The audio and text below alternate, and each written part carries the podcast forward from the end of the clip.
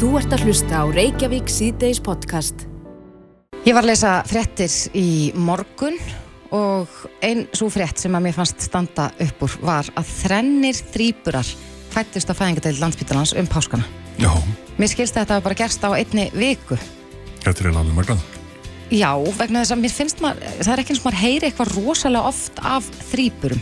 Nei. Já, tvíburum, jú, og svo kannski einstaka þrýburar, en þrennir þrýburar á einni viku hlýtur að vera einhvers konar, af, eða það eru þetta afreik fyrir, út af fyrir sig að, að eignast þrýbura, fæða þrýbura. Já, og þetta lítur líka að vera einhvers svona Íslandsmött. Já, það er spurning. Á línunni hjá okkur í dag er hún Snjólög Sveinsdóttir, hún er nýburalæknir á Vökudeild Landspítala. Komdu sæl, Snjólög. Uh, Sælublæsið. Já, er, er, voru við að slá eitthvað met þarna? Um páskana? Það sé nú ekki bara Íslandsmet heldur næst í heimsmet. Er það? Já, við, við, við grínust ekki aðeins með það. að Það hefur verið, verið heimsmet slegið Já. með þrennu hrýpurum. En þetta er nú ekki, eh, já allavega samkvæmt fréttinni sem ég las hann á vísipunktur í morgun að þá hafa frá árinu 2006 átján þrýbura fæðingar orðið á Íslandi að meðaltali einu á ári þannig að, að ég ætla að segja þrjú sett en allavega þrennir þrýburar á einni viku það er hansi magnað. Já, en þetta er nú svona eins og tölfræðin er ofta á Íslandi að það að, að, að út af smæðina þá geta, geta komið upp svona, svona svolítið spauileg tilvik eins og þetta. Mm En eh, ég, kannski fyrst að er, er eitthvað sem að, að útskýrir þetta? Er, er eitthvað sem að útskýrir það hvers vegna fleiri þrýburar að fæðast núna en jafnvel áður? Nei, það er bara, það, það, það er bara tilviljum. Þetta er, þetta er bara eitthvað sem að, já, algjör tilviljum. Mm En þrýburar, er hægt að ganga með, með þrýbura fulla meðgöngu eða er þetta í flestum tilökum fyrirburar? Í, sko, hana, það er eitt, eitt sem að, sko, það er tvent ólíkt, hvað er hægt og hvað er æskilegt.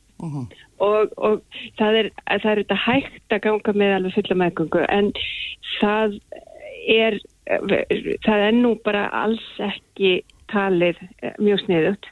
Nei. Þannig að uh, það er miða við að börnin fæðist við uh, svona 30, við, við erum voða ánast hvað ef ef þeir ná 34 ára meðgöngu Akkurat. og, og þrýpur eru, eru ná, nánast alltaf teknum með keistar nú orðið. Mm uh, vegna hættu þegar sko fyrsti þrýpurinn er fættur að, að, að hinn er tveir og sérstaklega þá síðasti lendi vandræð að það bara að því allt í einu mynda svo miklu meira ploss Akkurat, já þannig að þegar að í ljós kemur að kona gangi með þrýbura að þá uh, er, er allt skoðað og allt, all, passað að allt fari eins vel og mögulega hægt er. Já, og, og, og, og, það, þá er lagt upp með að, að eh, með, meðgöngunni ljúki með keisarskurði í svona viku 34 pluss eitthvað svo leið. En full meðgönga er 40 vikur. En hvað tekur svo við? Nú hef ég átt börn og ég veit að það er erfitt og það er krefjandi verkefni að vera með eitt ungbarn. Hvað þá þrjú? Já, ég bara, það er alveg, en það er alveg ótrúlega hvað fólk getur svona þegar það lendir í þessum, í, í þessum aðstæðum, en, en þeir fóreldra sem að hafa eignast þrýpur að segja þetta að, að fyrst, fyrsta árin sé bara ein stór móða Já. og vinna og það þarf mikið skipulag til að annast þrjú unga börn, Já. heldur betur. Er það oftast þannig þegar að koma svona mörgbörn í einu að uh, þetta er uh, þá í, með gerfi frjókun eða gerist þetta með eðlilegum hætti í öllum þessum tilvægum? Já, sko, eh, sko, það var þegar, þegar glasafrjókarinnar voru að byrja í svona upphásárum glasafrjókarna fyrir þá kannski svona 20 árum síðan eh, þegar, þegar það fór að vera algengt. Þá voru yfirlega settir upp sko margir fóstuvísar til þess að í vonum til, til þess að tryggja að, að auka líkunar á, á þungun. En s- þá, og þá, þá kom tímabil það sem að fjölburum og þá, þar meðal þrýburum fjölgaði mjög mikið. En, það, en sko þrýburar og sko fjölbura meðgöngur eru áhættu meðgöngur, meðgöngur og eftir sem börnunum fjölgar þeim mun áhættu saman að verður það. Og eh, þannig að það var nú fljótlega var, var, var þessu nú bara breytt þannig að núna hérna á Íslandi er, er aldrei settur upp fleiri en eitt fósturvísir Nei. þannig að það eru engir þrýburar á, á Íslandi sem að hafa sko, það er nú reyndir aðeins aðra reglur sem gild erlendis ef, ef að fólk farið erlendis í, í, í, í glasa meðferð Já. en hérna á Ísland eru engungu sett upp, engungu sett upp eitt fóstuvísir mm -hmm. þannig að, að íslenskir þrýburar þeir eru, þeir, þeir eru þeir eru heimatilbúinir. Já, ég hef búin að vera, horfið nú um daginn á Ríkisúðurspuna á uh, þáttaröðuna tvíburar sem að voru að hefja sinni göngu þar ansið magnað, ég var bara með tárin í augunum að fylgjast með hérna fæðingun á tvíburum þarna í fyrsta þætti en sko þá var svolítið verið að tala um einegja tvíburar og, og tvíegja tvíburar, hvernig er það með þrýburar? Geta verið sko einegja þrýburar? Já, það, það, það er til, það er sjálfgæft það, og sko það er nú bara ekki alveg áræðanlega tölur um það hversu sjálfgæft það er en að minnstakosti um, einna móti 100.000 að, að, að, að þrýburar séu einækja. Algengast er að þrýburar séu sko þrýegja, að það séu þrjú egg, en það, það er algengast mm -hmm. næst algengast er að það sé að eitt pari séu séu, séu einækja og svo séu þriðji þrýburinn þá sér, sér á báti mm -hmm. og svo er, er það alv, mjög, mjög, mjög sjálfgeft. Einægja þrýpur eru mjög, mjög sjálfgeft. Já. Þetta er ljótan að vera alltaf góða frettir, sérstaklega í ljósi þess að það hafa verið frettir að því að við séum ekki nógu dugleg við að fjölga okkur. Hvernig gengur okkur? Mm, sko, það fyrir nú eftir því hvað, það fyrir eftir hvað, við hvað miðar, en, en um, fæðingatíðnin í fyrra, hún var talsveit lægri en hún var 2021. Já.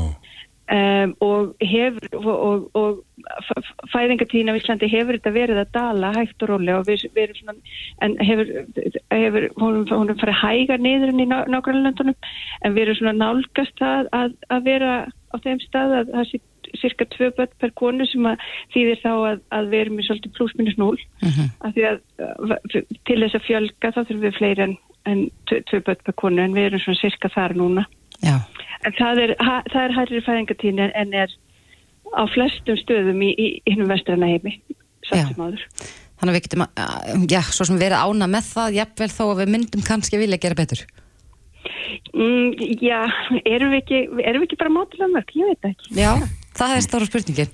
En kannski já. rétt að lokum vegna þess að, að, að það er nú oft talað um það á, á hvernadel landsbytalans og, og bara á landsbytalum yfir höfu, það er nú mikið að gera. Það er uh, fjölmarkir sem að liggja þar inni og svo eru þetta já, nóg að gera á fæðingatildinni hvernig, hvernig er, er stemningin þegar að koma svona toppar þegar nýju börn fæðast hérna frá þremur mæðrum pluss all hinbörnin Já, sko það er nú oft þannig að þegar það, að við á vökkutildinni við erum nú yfirlegt alltaf í bara frekar góðu, góðu, góðu skapi og, og finnst afskaplega gaman í vinnunni uh mhm. -huh. og þegar koma svona toppar þá bara taka allir handu saman og, og þá finnum maður bara að segja maður aðeins að það er nú bara þannig er nú óskup gaman sko þegar maður hann getur, getur hvart hann að börnin og fóröldana og þeir eru leiðinni heim Já. Veit kannski hvort þú meði gefa það upp en eru fleiri þrýbúrar á, á leiðinni? Ekki mér vitalega en, en, en það hann að þeir eru velkomnir ef, ef, ef, ef svo, svo væri Já. Já, við óskum auðvitað þessum sex fóruldrum til haf mikið með þessi nýju börn en Snjólaug Sveinsdóttir, nýbúralæknir á Vögu til Landspítala, kæra þakki fyrir þetta og góða helgi. Já, góða helgi. Þú ert að hlusta á Reykjavík C-Days podcast. Já, þetta var uh, Pink, er það ekki? Jú, jú. Já, skemmtilegt lag. En uh, við erum upp á síkast búin að tala mjög mikið um gerfigreind. Já, já. Vegna þess að, já, er ekki núna held ég fimm mánuður síðan að, að uh, þetta chat GPT æfintýri fór á stað, svona varð, varð uh, opið almenningi. Jú, og íslenska var strax nokkuð áberandi í, Já, í byrjun. Algjörlega, en nú er sko enn fleiri vendingar í þessu máli. Ég held að, að hlutinni gerist mjög hratt í þessum tækniheimi. En við rákumst á fréttin á vísi.is þar sem segir að notendur ratt aðstofar smáfóritsins emblu frá miðind er nú bóðið að spjalla ókipis við nýjustu útgafu gerfegreindarinnar frá OpenAI sem heitir ChatGPT 4. En hún er sest hjá okkur Katla Áskistóttir sem er viðskipta þróunastjóri miðendar. Kom til sæl, Katla. Kom ég sæl. Sko, ég, mér langar eiginlega að byrja, segðu okkur stuttlega hvað embla er fyrir þá sem hafa ekki heyrst um embla áður. Já, Embla er svona aðstofar app uh, sem er hægt að tala við á íslensku og þú fær svör á íslensku tilbaka og hérna þú átt samskipti við Emblu bara með röttinni, svo veist ekki þú ert ekki hérna að Það er eitthvað hljóðvesin einna, maður sjá. Já, ok. Alla, þetta var miklu betra. Ok, já, slakka þessum. Já, þú þarfst sérst ekki að hérna, skrifa til að segja samskipt við emblu. Þetta er bara svona radd app. Eins og kannski sömur er að nota Siri sem er Apple, hérna, innbyggt í Apple-tæki. Aðrir eru kannski að nota Alexu sem er frá Google, en þetta er bara á íslensku. Þetta er á íslensku. Ein, munurinn á sérst, þessum innbyggðu appum eins og Siri og Alexu er sá að hérna, embla við höfum ekki sérst, uh, við getum ekki framkvæmt sem aðgerðir út af því að við erum takmörkuð af, af hérna, velbúnaðinum sem mm -hmm. hýsir emblu þannig að er þetta ennþá Það er eitthvað suð í gangi þess að við skiljum ekkert hvaðan kemur það er kannski of mikil tækni í þessu spjalli en, en nú er þið komin í uh, fyrirsögnu var embla og GPT-4 í eina sang hvað er það að fara að gera? Já, það sem við erum að gera núna er við erum eins og hérna, flest hafa kannski reykjað svo uh, undanfann mánu þá erum við búin að vera í samstarfi við OpenAI mm -hmm. um að koma íslenskunni inn í, inn í hérna, uh, GPT-4 og það samstarfi hefur gengið mjög vel og, og, og sérst, uh, það, það vantar náttúrulega eitthvað aðeins upp á málfræði kunnáttu hérna GPT-4 eh, eh, GPT-4 mm -hmm. eh, enn sem komið er. En, hérna, en verkefninu komið mjög vel á stað. Uh, vandinu kannski sá að við erum búin að tala mjög mikið um þetta hérna á Íslandi en það eru fæstir með aðgang að þessu nýjasta líkanni frá OpenAI. Þannig að það sem að fólk er núna að nota í chat GPT uh, sem er opið það er ennþá 3,5 mm -hmm. og íslenska þar er, er hérna já það er rauninni bara uh, íslenska sem að hefur samnast af netinu og, og hérna og, og sérst líkanið hefur lært upp einspítur þannig að við erum komin mun lengra í GPT-4 og, og við ætlum sérst, uh, við erum núna opniðum í gær fyrir það að fólk gæti um, talað við emblu og fengið svör frá GPT-4 mm -hmm. og það eru þá hérna, það er þá þetta uppfærða líkan eða nýjasta líkan sem að fólk er að tala við. Já, ég held nefnilega að það séu margir sem sko þegar nú hefur verið svo mikið talað um, um GPT og margir eru svona einhvern veginn að prófa sér áfram í því á netinu og bara svona nei, þetta er nú frekar skýtt. En þá er við ekki endilega að nota nýjasta líkanið. Nei, þannig að það er ekki það er ekki, hérna, það er raun bara, þú veist það sem er gerst er að það er að sapna textum af, af internetinu og, og gept því sko að við hefum náttúrulega eins og umræðin hefur verið hérna þá er, veist, er búið að sérþjálfa gefið því fjögur á ennsku og íslensku. Mm. og íslenska er eina tungumáli fyrir utan ennsku sem að líkanið hefur sérþjálfa sérstaklega á. En það þýðir ekki að, að líkanið kunni ekki önnur tungumál, það kann alveg kann all stærstu tungumálinn og mun betur heldur en íslensku þó svo við hefum verið að sérþjálfa á íslensku. En það sem að, hérna, það sem að er náttúrulega merkilegt í þessu er að, svona lítið tungumál eins og íslenskan á bara ekki sjans í, hérna, í þessi stórumálikun mm -hmm. öðruvís en að, að við finnum einhverja leið til þess að hérna, auka hlut þeirra eða vægi um, með einhvern hætti. Og það er það sem að þetta samstagsverkefni við ópenni hefur gengið út á og, og, hérna, og það hefur vakið hérna, alþjóðlega aðtíkli vegna þess að það eru svo mörg önnur minnimálsvæði sem að hafa áhuga á því að sérst, nýta sér þá leið sem við förum þegar við erum búin að finna út því hvernig er best að gera þetta. Þannig að íslenskan er að reyðja brautina fyrir önnur smarri tungumál. Já, það er það sem við vonumst til þess að hérna, verði raunin, mm -hmm. að við hérna, finnum, finnum góða leið til þess að gera þetta og og það er bara, það lítur allt út fyrir það. Eins og stöðinni núna. Sko, nú, nú hefur uh, verið náttúrulega mikið talað um, um gerfigreindina og svo er alltaf verða snjallara, ég held að það séu til það er bara nánast, þú getur keift sko öll heimilistæki bara eins og ískápir geta verið snjallir og ískápar geta verið snjallir og, og, og svona sagt manni hvað er til í honum og svo eru, eru snjallar þvóttavelar og hitt og þetta ég held ég engan snjallan hlut nema bara snjall síman minn mm. og er meira sem er slögt á síri í símanum og ég, bara, ég skil ekki hvernig maður á nota þetta eða til hvers þannig að fyrir fólk eins og mig sem er ekki alveg orðið rosalega slift í, í þessum snjall heimi hvernig sér þau fyrir þér að við gætum notað emblu í tengslum við gerðugreindina? Sko í rauninni það sem við erum að gera núna er bara hérna, þetta er svona skemmti verkefni í rauninni. Við, við viljum bara að fólk fái tækifæri til þess að, hérna, að sjá hvað íslenskan er komin langt uh, og, hérna, og, og bara prófa þetta. Um, ég veit ekki alveg hvernig þú myndir sko, GPT-4 er náttúrulega, þetta er mállíkan, þannig að þetta er ekki staðrendagrunnur. Um, þannig að þú ert í rauninni ekki að fá áræðanlegar upplýsingar endilega og hérna en svo tækni er komin og er fyrir hendi að, að tengja að þessi stóri máluleikon við hérna við starrendagrunna og það er eitthvað sem verður óbúslega áhugavert að hérna að gera í framtíðinni og bara ná inn í framtíða því að þetta bara er fyrir hendi -hmm. en eins og staðinni núna þá viljum við helst bara hvetja þið til að sækja þér emblu og, og hérna og prófa að tala við GPT-4 bara til að sjá framfærinar sko. Já Getur við tekið sínidæmi? Já. Er það ekki svona til þess að aðeins að skilja betur hvernig Jú. þetta fer fram? Já, bara endilega. Ég ætla hérna að spurja emblu þá. Hvernig síð ég skötu sel? Og núna er embla að tala við GPT-4.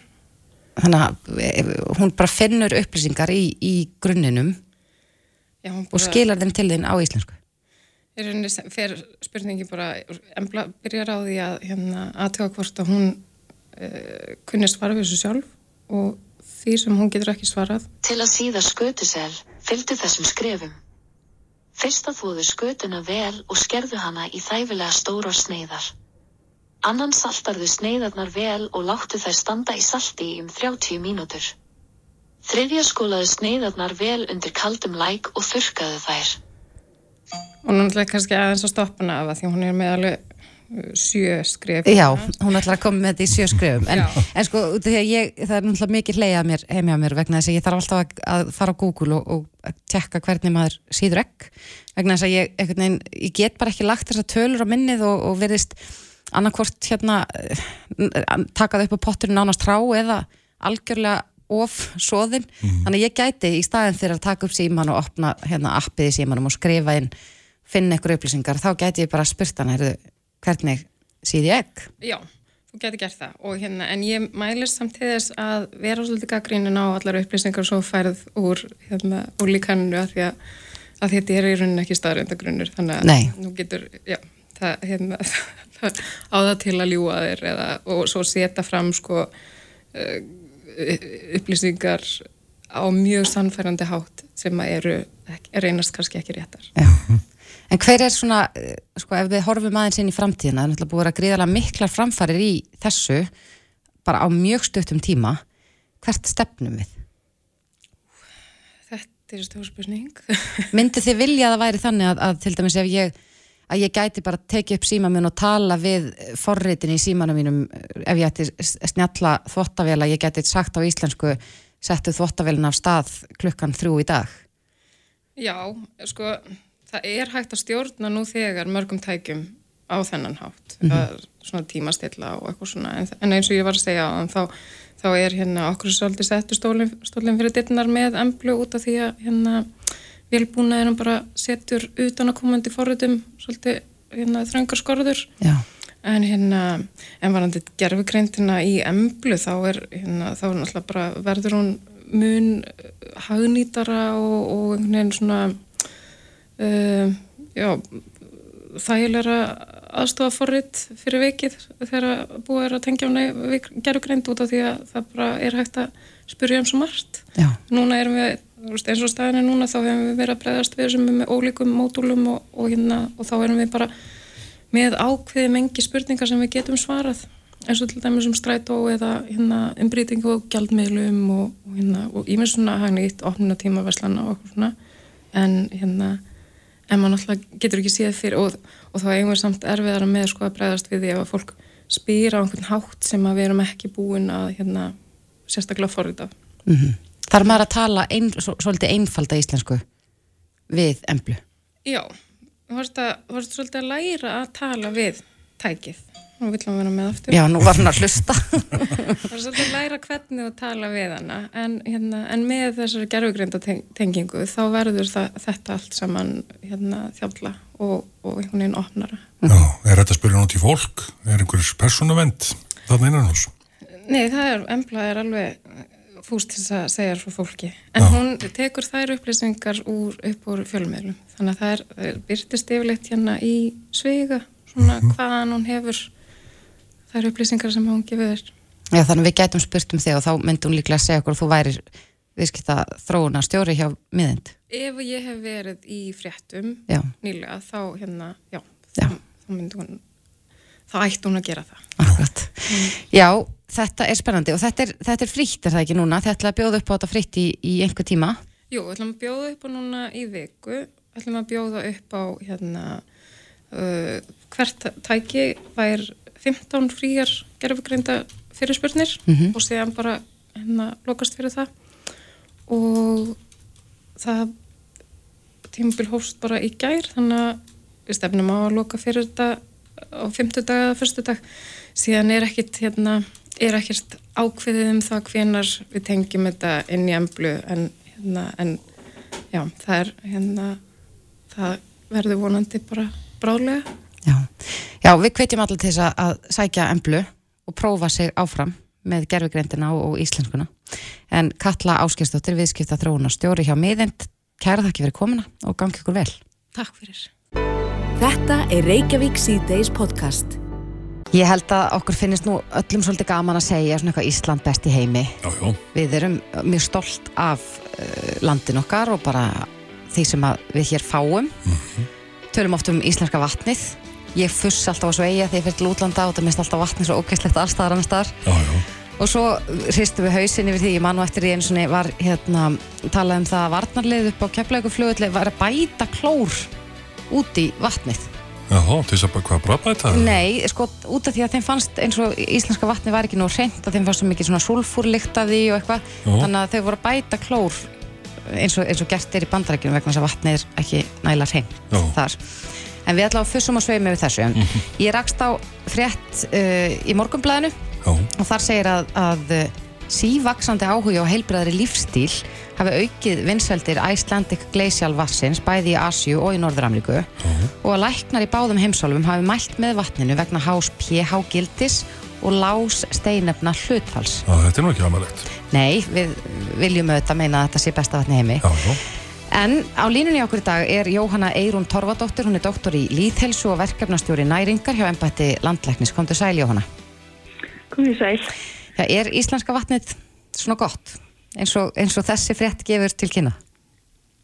Já, ég minna, jú, það er ekkert eftir að neyta því að íslenska vatnið er gott og sem betur fyrir getur við bara drukkið að bynda og krana. Mm -hmm. Þannig að, hérna, já, og það er mitt mjög skemmtileg stuttu pistillum íslenska drikjavatniðin og bara vísendavefnum sem er bara svar með þess að frá 2013, það sem akkurat er verið að fara í, í þessu atriði, sírusteg og, og, og steinöfnamann. Já, en, en þarna segir nú að, að já, það sé látt steinöfna hlutfall í íslenska vatninu. Þýðir þetta, ættu við að vera að bæta það eitthvað neginn upp? Ættu við að vera að taka eitthvað steinöfni til þess að Já. Nei, þá nú alls ekki þurfa af því að ef við erum bara að borða svona nokkur meginn í samrami við ráleggingar og mataræði þá, þá erum við alveg að fá nóga vítaminum og steinefnum eh, bara úr fæðinni mm. við samt þurfum alltaf að taka líka díutamin auðgarlega en annars við mælum við mælum með því við fáum öll vítamin og steinefni og öll þessi næriðgræðin sem við þurfum úr mat. Akkurat, þannig við þurfum ekki að hafa ágjur af því að það sé látt steinefna hlutfall í vatninu? Uh, nei, yfirleitt eru við að fá, það er á kannski, fólk hefur oft verið um kalkið, að við séum að fá nóg kalk. Mm -hmm. og, og það er ekki mikið kalk í íslensku vatni, það er meira til dæmis í Danmarku og hérna, og við erum bara almennt að fá nokkur með í nóg kalk bara úr Svona já, þetta er náttúrulega helst um mjölkuvörum en, en við fáum það líka eins og úr kallbættu jústavörum og hérna og, og úr grammiti. Þannig að við fáum alveg það kallt sem við þurfum. Já. Er uh, íslenska vatnið er það eins allstaðar á landinu? Er, er engin uh, munur á hvar, hvar það er sótt? Uh, jú, nú er ég ekki sérfræðingur þarna en jú, það fyrir vatnilega eftir berggrunni og, og hérna það er verið að vísa alveg hérna í sírustu vass sem kemur úr heiðmörk Já. að það sé hátt og, og ég bara í raun og verið þekki ekki alveg nóg vel til hvort það sé eins allstaðar á landinu. Nei. Ég rak, ég rak augunni það, Jóhanna, að eh, já, nú hefur maður í gegnum tíðina oft, þetta er alltaf verið að hvetja mann til þess að drekka vatn og það er bara frábært að við erum, eigum að drekka nóga vatni. En hvað er nóga vatni? Ég til dæmis sá uh, að nýjustur ráðleggingar frá Mayo Clinic í bandaríkunum er að segja að sko karlmenni að drekka 3,7 lítra af vögva yfir daginn og konur 2,7 lítra af vögva. En ef maður drekkur bara vatn, er, er það á mikið? Um, já, þetta er svolítið háa tölur uh, og hérna við erum ofta að horfa bara í svona norræna næringaráleggingar og það er einmitt núna, er, er komið nýtt plagg sem er núna til umsagnar það sem segir að konur þurfa að fá svona kringu 2 lítur á dag og kallar 2,5 lítur á dag að það er svona meðaltalið, eða meðal þörfin Mm. en hérna og það er þá líka tekið til þess að við fáum svona seg, af þessu magni að við fáum svona bílnu 6-800 millilítra bara úr matnu sem við erum að borða Já. Af því við fáum alveg fullt af vatni bara úr ávistum og grammiti það er alveg, getur verið 90% vatn í, í sumum ávistum og, og, og, og grammiti Akkurat, er ekki gúrkur, agúrkur gott Jú. dæmi um það? Jú, og svo náttúrulega þegar við tölum um vögva þá fellir það undir líka jú eins og mjólk eða kaffi eða te. Já, þannig að við þurfum ekki bara að drekka sem sagt vasklas, við, það er bara að við séum að drekka vögva en við náttúrulega mælum alls ekki með og uppfylli vögvaþörfina með því að nota til þess orskudrykki eða góðstrykki nei, það er alls ekki það er ekki alls, alls ekki sá vöggagjafi sem við viljum að fólk sæki nei. En svo hafa nú í gegnum tíðina verið einhver svona tískubilgjur. Ég manna að ég rakst einhvern tímann ákveð svona kúr sem ég veit að að er nú kannski aldrei mælt með. En þar var að tala um að drekka bara hátt í 5 lítra vatn á dag. Hva, hvað gerist ef maður drekkur á mikið vatn? Um, þú átt nú bara að geta losað út jafn áðum. Það eina sem við höfum kannski áhyggjur að vera ef við fáum alltaf mikið salt líka að þá er þá helst alltaf mikið vöku inn í líkamannum og það eigur þá blóðfyrstingin okkar, hækkar hann og, og getur á valdi skaða á æðakerfin okkar. Já, þetta er ekki að hafa neina áhrif á nýrun. Að, að drekka svona mikið vatn, það eru, það eru til einhver mjög svona ekstrím dæmi að þetta, þú veist, að fólk er að drekka mjög mikið en, en svona gegnum gangandi held ég að þetta sé ekki vandamál að við drekkum á mikið vatn. Nei. Já, Ég ég við er, þurfum auðvitað að borða mat líka, við meðum ekki sem sagt, bara að drekka. nei, það er mikilvægt og bara fjölbreytt fæða, Já. er það ekki líki latrið? Algjörst líki ladrið fyrir góða hilsu. Já, ég er allavega gríðarlega þakklátt fyrir íslenska vatnið og, og uh, ég held að við getum bara öll verið það. Mm, og segjum bara skáli vatni. Já, er það ekki. Jóhanna Eirun Torfadóttir, doktor í líðheilsu og verkefnastjóri næringar hjá embætti landlæknis. Kæra þakki fyrir þetta og góða helgi. Takk og sumulegis. Þetta er Reykjavík C-Days podcast. Jæja, við höldum áfram hér í Reykjavík síðdeis. Það berast fréttir af því að rússar séu að njóstna á norðurslóðum og uh, Þórdís Kolbrún Reykjörg Gilvadóttir, auðvitaðriksráð þeirra, hún segir að það sé mikilvægt að Ísland sé betur í stakk búið hvað varnarmál varðar í, í kjölfar sko uppljóstruna sem að norrænu ríkissjónvarp stöðvarnar voru með núna í vikunni í heimilda þáttaröð sem heitir Skuggastríð. En þar eru rúsnesk stjórnvöld sökuðum að skipulegja skemmtaverk á orku innviðum og ljósleðurum í Norðursjó en það er, uh, já þeir eru alltaf að saka um að skipulegja það sko ef það kemur til átaka á milli rússa og vesturveldana og þeir njóstna vist um þessa innviði með aðstóð herskipa og skipa sem að sögðu eru sinna vísinda rannsóknum en þá setur eftir svo spurning hvað gerist ef að rússar myndu ráðast á sæstrengina? Við erum nú með fleiri neitt sem að tengja okkur að mörguleiti við umheiminn. Hvað gerist ef að uh, unnin eru skemmtaverk á þeim hann er komið til okkar, Guðmundur Arnar Sigmundsson forstuðumadur netörgisveitarinnar Sertis, kom til sæl Kom sæl. er hægt að svara þessari spurningu hvað, hvað gerist ef að, ef að já, þessi vondi draumur verður að veruleika? Já, já, það er alveg hægt að svara þessari spurningu þetta er búið að vera svona viðfásefni okkar hérna í neturikisveitinu og annara hjá hennu ofinbera að að velta vöngum yfir þessa spurningu síðan að innrásin hófst eh, 24. februar síðastlegin í fyrra, eh, ekki síðastlegin, það komið rúmlega ár síðan að stríði, stríði bröst út mm -hmm. og Ísland stendur nú svolítið sér er í svolítið sérstaklega stöðu varandi þetta, við erum ekki jafn háð uh, hvað að segja, leiðslum fyrir orgu eins og Skandinavíulöndin og, og nákvæmlega þjóður okkar eru uh, í Skandinavíu mm -hmm. uh, þar sem að þau eru með ramagstrengi og þau eru með gasstrengi og þau eru líka með gagnastrengi sem að flytja uh, fjarskiptamerki á milli staða. Uh, við erum hins vegar eiga út í miðju Allandsafi og erum algjörlega háð uh, sæstrengjum til þess að koma upplýsingum, köknum uh, á milli landa og starfsemi og bara segja, lífi Íslendinga á, í stafranum heimi er bara komið á það stiga, við getum bara gjössalega ekki án þess verið. Þannig að, að það hefur verið mikil svona vöxtur og uppgangur í e, sæstrengju bransanum hérna fyrir Ísland. Það er bara stutt síðan að faræs sem að sér um þessa sæstrengi sem að liggja austur til Európu, til megilandsins, e, komið með þriðja strengin, gífuleg búbót fyrir Ísland og og rosalega stórt öryggiskref eh, upp á gagnarsambundin eh, varðandi það hérna, tryggja í raunni upputíma og aðgengi okkar að, að þessum, að þessum hérna, e, gagnaveitum sem eru flestar hýstar elendis. Já. Á sama tíma eru við líka að sjá að, að þjónustu sem við erum að nota á netinu eru miklu, miklu meira mæli farnar að vera hýstar erlendist þannig að þörfin okkar fyrir þessa tengingar er gífulega stór og mikil líka. Já. Ég sé svona fyrir mér að, að sko, jú, við myndum missa samband við Netflix og það væri nú kannski ekki gaman, en þetta hlýtur líka að vera gríðarlega alvarlegt sko upp að bara aðgengja að öllum þessum gögnum sem við kannski bara þurfum á að halda til þess að, að halda samfélaginu gangandi. Jú, mikið rétt og það, það hefur farið að, átsist að gefa mikil svona greining að vinna undarfæri ára varðandi þetta og það, það þarf að bæti og það þarf að klára að greina þetta á ýmsum vikstöðum og ég, ég hvet alla aðeila sem að hérna, stóla á uh, þessa, þessi upplýsingatæknikerfi sín að þau séu vel tengt og hafi gott samband innanlands og, og, og til útlanda til þess að, að greina þetta vel hjá sjálfu sér. Bara skoðu þetta hvað, hvað þýðir þetta fyrir ykkur fyrirtæki og stofnanir, hvað þýðir það fyrir ykkur ef þið myndu missa gagnamags getu til útlanda til dæmis í, niður í 1% af því sem þið hafið í dag eða þurfið í dag. Mm -hmm. það er augljóst hver aflengar eru því ef við missum uh, alla sæstæringin í einu.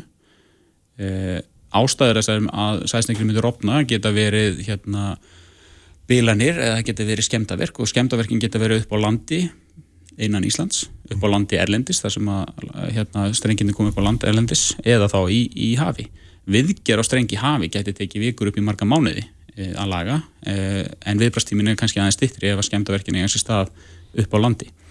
En afleðingarnir eru þær sömu. Ef allt samband fer niður þá eru við sambandslausi gegnum sæstrengina Ísland eins og það leggur sig og við höfum enga aðra varaleið en að nota gerfinhættarsambund sem eru dýr engan veginn að bjóða upp á sömu flutningsgetu uh, eins og sætringinu og þá eru við ekki bara að tala um gagnamagn heldur líka þessi byggtími sem tekur að senda merkja mellir staða. Þú veist það tekur kannski 10 millisekundur að senda eitt merki til Írlands í gegnum sæstring en það tekur 300 millisekundur að gera það í gegnum gerðutungl og þetta upplifið sem þjónustu skerðingu þegar við erum að nota bara við erum að tala til útlanda eða við erum að, að nota eitthvað svona rauntíma þjónustur eins og vídeo og fleira og gagnamagsþörfin, eða gagnamagsgeta gerfi tunglana er með að við svona fyrstu greiningar engunga að ná einu prósendi af því sem við erum að nota í dag Já. og ef þessi staða kemur upp þá þyrtu við hreinlega að hérna fórgangsraða hvers konar umferð á að fá að nýta þessi þessa, þessa getu í gegnum gerfitunglin og allavega hvað þið ofinbæra varðar þá er, er verið að greina það. Við hjá neturikisveitinni Sertís erum að vinna með mikilvæg einviði sem er búið að skilgreina út frá þessari neturikislaugjöf e, Evrópusambandsins. Hvað eru mikilvægir innviðir, hvað, er, eru lámars innviðinni sem við þurfum að hafa allir að halda allir þjónustu hérna gangandi fyrir íslenskan almenning? Og, og við erum að greina í rauninni hvað, hvernig myndu við bregðast við ef þessi ólíklega staða kæmu upp þetta er ennþá talin ólíkleg sviðsmynd en þessi þáttur og ímislegt annað sem hefur gerst síðastlega ár eh, er samt sterk vísbendingum það að við hefum ekki að hunsa þessa ógn, alls ekki. Við hefum að taka hana alvarlega ef að stríðið myndi þróast á verri veg og verða vítakara heldur en að vera bundi við, við, við landamæri hérna Úgrænu, uh, bæði í net og í raunheimum uh, þá hérna þurfum við að vita hvað við ætlum að gera ef það kemur til þess að við þurfum að bregðast við að vera sæstrengjalauðs í lengri tíma. Já, það tala um þennan þátt Norrænu ríkis sjónvarpstöðvana sem uppljóstrun. Gerir þetta það verkum að þið þurfum að hlaupa hraðast þegar það verður svona einhver uppljóstrun um, um njóstnir rúsa? Já, er þetta spark í rassin? Þetta er spark í rassin, þetta er hérna kvartning, eh, það bara eftir hvernig þú orðara uh, uh, Netturkjusveitin serti sér ekki um vend sæstrengja í hafi, það, það likur hjá landtilskesslunni og ég veit að þeir hafa hérna gripið til ímsa aukina ráða til þess að fylgjast betur með uh, sæstrengjum í hafi uh -huh.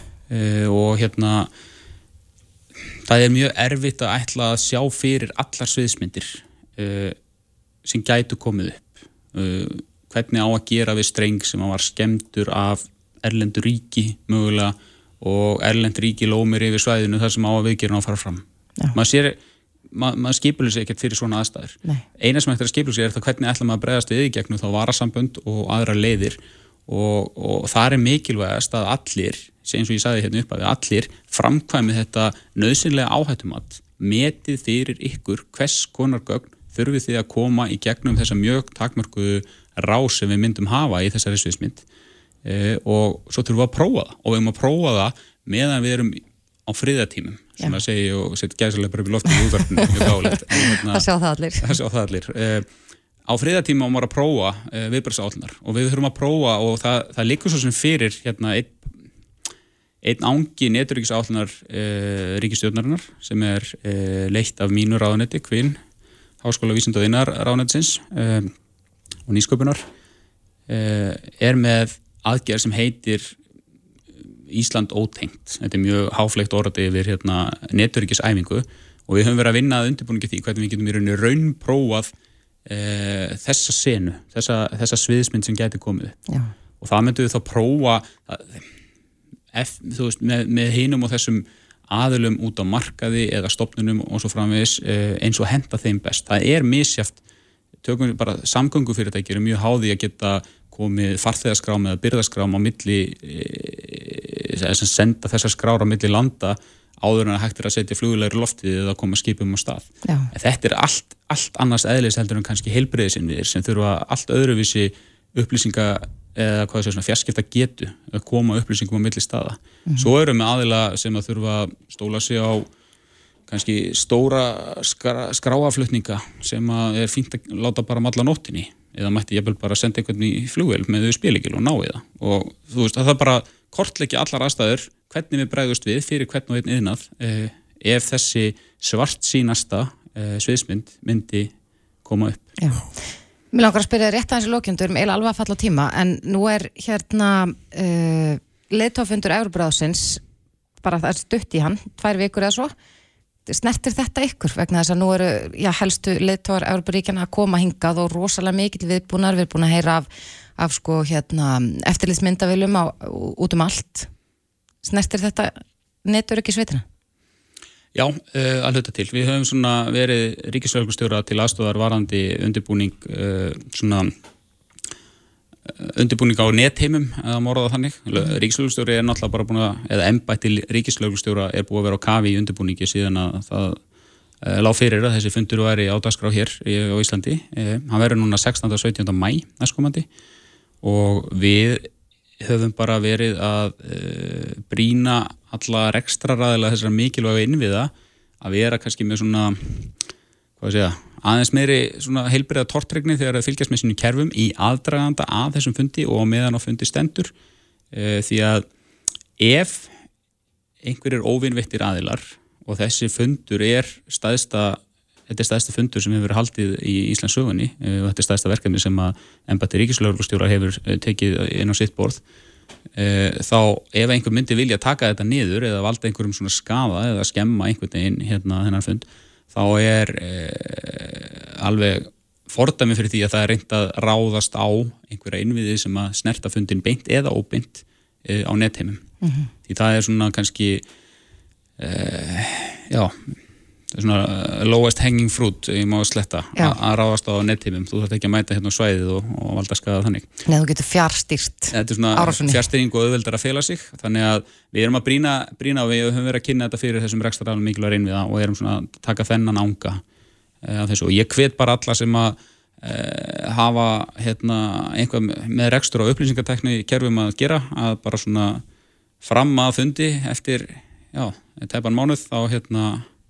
hérna hafið hugum svona alveg, verið alveg ekstra ekstra varkár og fylgist alveg sérstaklega vel með Já, Guðmundur Arnar Sigmundsson, fórstuðumæður net öryggisveitarnar Sestis. Við skulum bara vona að þessar svart sínustu spár verði ekki að veruleika en þakka kærlega fyrir komuna. Það er hverja Reykjavík síðdeis á Bilginni podcast. Eins og flestir vita þá er sumardagurinn annar í dag. Já, Má maður ekki segja það? jú, jú, jú. Það var sumardagurinn fyrst í gær og auðvitað fór ég í geimslunni hjá mér og, og reif fram reyðhjólum mitt og þurfti auðvitað að byrja á hinn og þessu, þú veist, dekkin voru alveg loftlaus og Já, já, þannig ég held að það séu svona margir í þessari stöðu núna að fara að huga því að vilja, vilja hjóla. já, liðka keðjun á eitthvað svona Er það eitthvað sem er á að gera? Já, er það ekki? Ég- Ég... Setja eitthvað svona spray Jú, kannski ætti ég að gera það. Já, En það var nú kannski þessi hjólatúr minni gerð, það sem ég ætti algjör hetja Já. að hjóla 20 km já, að, eh, sem að, að let mig aðeins pæla í hjólum og þess vegna er hann sestur hjá okkur hann Jón Þór Skaftason sölustjóri hjá Erdninum, kom til sæl Komið sæl. en þú ert sérfræðingur mikill í hjólum Já, ég myndi segja það. Maður er búin að vera í hartnær 20 ára að selja hjól og, og þjónusta hjól og, og allt sem að snýra hjólum. Já, en gu- þetta sem að Bræði var að minnast á liðka keðjuneknin, er það eitthvað sem maður á að gera? Já, það er gott að smyrja keðuna. Það er eitthvað sem að ætti að gera kannski allavega einu sinni í mánuði sem að flestir... Einu svona í mánuði? Já, ef þú notar hjólið svolítið, sko. Já. Ef þú notar ennþá meira, þá kannski aðra hverja viku. Já, Þannig að þetta mingar bæði háaða frá keðunni, mingar slit á keðunni. Þannig að það kemur endist allt betur og virka betur. með hverju smyr maður keðjuna? Það er bara keðjuólja. Já. Og það er keðjuólja fyrir þurrar aðstæður, blöytar aðstæður eða eitthvað þar á milli. Mhm. Þannig að það er önnur ólja fyrir regningu og önnur fyrir þurrar aðstæður. Já, þannig að fyrir fólk eins og mig sem hjólar bara þegar það er gott veður Þá notar það fyrir þurrar aðstæður. akkurat Það er betra. en, en þið hljótið að verða þess vör í erninum að, að, hjóla sumarið er svona aðbyrja eða byrjað Þetta er, já, kannski búið að vera í gangi svona síðustu tvær vikur allavega. Mm Byrjaði í mars svona smá aksjón og, og það er alltaf byrjað á börnunum. Kringu sumandaginn fyrsta, mikið af sumagjöfum sem að eru tengdar hjólum, hjálmar og hjól og bjölluður og fleira. Svo svona í mæ kannski kemur fullorna fólki meira Já, fyrir að skoða sér hjól fyrir sumri. akkurat Nú er náttúrulega, sko, Þórdís hefur örgulega tekið fram bara gamla góða reyðhjólið, mm Mhm. fótstegna hjólið, en, Já. það er náttúrulega komið miklu meiri og flottari græjur í þetta, þetta er orðið ramax. Það er kannski það sem að er svona nýtt í þessu, eða nýtt og ekki nýtt, við höfum bóðið upp á ramasjóli í yfir 20 ár, Já, en uh, svona 2019 byrjaði sprengjan í ramasjólunum, Já. svo maður segja, og það er í dag lang uh, stærst vaksandi hlutin af sölunni. Þannig að fólki sem fór allt í hrönnum og kefti sér reysir hérna á sínum tíma, það var náttúrulega eitthvað reysir æði á Íslandi, allir komnir á, á svoleiðishjól, Já. eru kannski búin að skipta yfir Uh, Talsverður hópur Já. og margir komnir í fjallahjól líka. Það er, það er náttúrulega kannski betri aðstæður á Íslandi til að vera á fjallahjóli heldur en á göttihjóli. uh, margir fóru á reysirinn í kringum Vá Cyclothon, uh, veit ég hvort þið munið eftir það sem er hjóla hringin í kringum landið. Já, uh, fjara til tíu manna hópar Akkúrat. og það var mjög skemmtilegu tími þetta var 2015, 16, 17 sem að sprengi var þarna og svo taka fjarlægulegum við þá 2018, 19 og, og, og 19 byrja ramasjólin af þessum krafti sem er í gangi í dag sko. akkurat Er mikil, mikil sko, breytt í þeim flokki? Sest, er hægt að fá ramaxhjól sem eru bara frekar svona já, hefðbundin fyrir fólk sem kannski hjólar ekkert sérstaklega mikið og svo alveg eitthvað flottasta Já, já, þú getur alveg, uh, ég myndi segja þetta gangi kannski frá 300.000 upp í 2 miljonir og Já. flestir eru kannski að kaupa hjól þarna á verðbylunu 5 til 800.000 þannig að þetta er að fá götu hjól, fjallahjól eitthvað þar á milli, það er allir flokka til. Já. kannski ekki barnahjól, það er einhver barnahjól í bóði en, en ekki niður í, ekki undir 10 ára. Já. Er verið að taka tillit til þessa, þessa hjólaæðis, eru innviðirnir nógu góðir fyrir hjóliðafólk? Uh, ég myndi segja heilt yfir hafi kannski hérna á höfuborgarsvæðinu hafi menn staðið sér ágjörlega Já. en uh, til dæmis í vetur að þá eins og allstaðar var erfitt með mokstur þegar það var mikil snjór. Já, þannig að það kom ákveðin tími sem var eiginlega bara ekki hægt að hjóla. Já, uh, göngustíðanir voru neðst í hvað maður að segja, gönguhjólastíðanir voru neðst í, í kókonuröðinni þegar að komaði að móka mm. það var meiri áherslu að koma bílónum á stað akkurat. En um, ég, ég verð nú eiginlega bara viðkjörn það að ég hef hingað til, nú er ég eiginlega bara frá ofinbera smá fordóma, Mhm. en mér fannst alltaf eins og kannski að, að það væri bara svona svolítið latt fólk sem myndi fara á ramagsjól. Er, er það miskilingur hjá mér? Það er ákveðið miskilingur. Þetta er svona uh, nýr vingil sem að vera að taka inn í þetta. Þetta er, þú getur hjóla meira heldur en þú gast. Þú getur kannski hjólað upp brekkur sem þú gast ekki hjólað upp. Mhm. uh, það, er- það er fjöldi fólk sem er íþróttafólk sem er í dag komið á ramasjól. En þetta er þá spurning um að sko, þú ert bara með þarna rafmagnið sem í raun og veru hjálpar þér. Já. Þú, þú getur ekki bara setið kjurra á hnakkinum og, og bara eins og skellinar og bara rúsa þér upp brekku. Nei, það er ekki yngjöf sem slík. Er, þú verður að hjóla, Já. en þú getur fengið mjög litla aðstóð, þú getur fengið mjög mikla og allt þar á milli. En það er alltaf einhver reyfing. Já. Þú ert úti, þú fær súrefni, ert að reyfa þig. Þannig að þetta, þetta hjálpar uh, líka fólki að komast að stað, fólk sem bara treystir sér ekki til að hjóla uh, á venilegu hjóli. Getur komið sér að stað á ramasjóli, jafnvel svissa svo yfir í venilegt setna. Þannig að mér finnst þetta hilt yfir uh, mjög jákvætt og þeir sem að voru neikvæðastir fyrir nokkrum árum, þeir eru jafnvel komin á ramasjóli Ég verður ekki komin á rafmagsjól bara í næstu viku sko, með, við, með við þetta. Já, ég mæli með því að prófa. Já. Þetta er uh, ákveðið frelsi. Nákvæmlega. Þú talaði um veturinn áðan, eh, ég rekst nú reyndar stundum í vetur á eh, hjól með svona ekstra þykkum dekkjum og Já. jafnvel, jafnvel neldum. Getur það verið? Það passar. Það eru til nagladekka og lang flestar tegundir hjóla. Já, þessi breiðu breiðu dekk, þetta er kallað breiðhjól á íslensku já, en á ennsku fatbike og þá er sama pæling komið jeppa, þú flýtur ón á snjónum í staðin fyrir að fara ón í hann. Þannig að ef þú ert í snjóa þá er gott að hafa breiðdekk. já. Þannig að það eru komin alveg hjól fyrir íslenskar aðstæður allan og sring. Já, já, þetta er uh, á sumum hjólinn getur hjóla nánast allstaðar og alltaf en, en uh, einhver stað dreifum að línuna ef maður sekkur hún í skablinu þá er erfitt að eiga við það sko. Já. En aðeins að börnum, nú eru eins og segir, þá er, er hérna þetta vinsæl sumargjöf, annarkost hjólið eða hjálmurinn eða hvað sem er, er, er hver, hver er besta leiðin til þess að, já kannski svona uppfæra, út að börn stækka svo hratt, Já. er einhver svona markaður fyrir, þekkir það? að selja nótu hjól Já, til dæmis. þetta hefur mikið farið fram í gegnum bara Facebook Já, það er Facebook síða sem er án ansið stór sem heitir Hjóladóti sölu þar getur auðlýst og, og salan bara mjög fín oft sér lítið á þessum hjólum eða farið vel með þau og Já. ekkert að það köpa nota en þið seljið ekki notuhjól. Nei, við höfum ekki þórað að fara út í það við sjáum bara fyrir okkur heilu hrúunar að notuðum hjólum Akkúrat. inn á lagur hjá okkur þannig að ég held að vera betra fyrir fólk að, að selja bara sjálft að fara yfirleitt meira upp úr því mm -hmm. stæðin fyrir að sé vera að taka upp í Já. þannig að það hefur gengið já. Er böglaberinn alveg dottin út? Ég var alveg búin að gleyma þessu orði bara. Böglaberinn, nei nei, það er til dæmis svo kaupið götu ramarsjól og þá er yfirleitt böglaber á hún Já, já. á hjólunu uh, mjög þægild að vera með töskur á böglaberunum geta stoppað í búðinni, tekið smá. Kemur kannski svona uh, á við tvo póka í sikkur á töskuna Og svo náttúrulega karvan framar á sömum hjólum. Karvan framan á, hún er alltaf ákveðin hópu vill hana en, en uh, það hefur minkað það hefur minkað klálega Ég held líka sko að, að svoleiðis hjól, þetta er, er ég einhvern veginn sé fyrir mig eitthvað svona drauma heim í Danmörku þar sem allt er slétt. Það er, er ekkert sérstaklega gaman held ég að vera á svona hefðbundnu svona hjóli með körfu aftan og þó að það sé voðalega rómantísk tilhugsun. En svo ætlar að kannski að hjóli upp Artúnbrekkuna og bara Þú vilt ekki, ekki vera á svoleiðis hjóli í mótvindi upp ártúnsbrekkuna Nei. en þú getur gert það ef það er ramashjól já, þá getur þú með körfu og bara setja eins og dama og, já, og mótorið sér um rest sko. akkurat. Já, þetta er skemmtilegt, ég allavega ætla að fara að kaupa mér keðju olju Já, til þess að ég hef búin að eiga þetta hjóli í nokkur ári, ég hef aldrei nokkuð tíma smurt keðjuna. Þannig að Sennilega komið tíma á það. Já, Það er, ég ætla bara að skella mig beint í það. Jón Þór eh, Skaftason, sölustjóri hjá Erðinum Kæra þakki fyrir komuna. Takk fyrir Hlustaðu hvena sem er á Reykjavík C-Days podcast.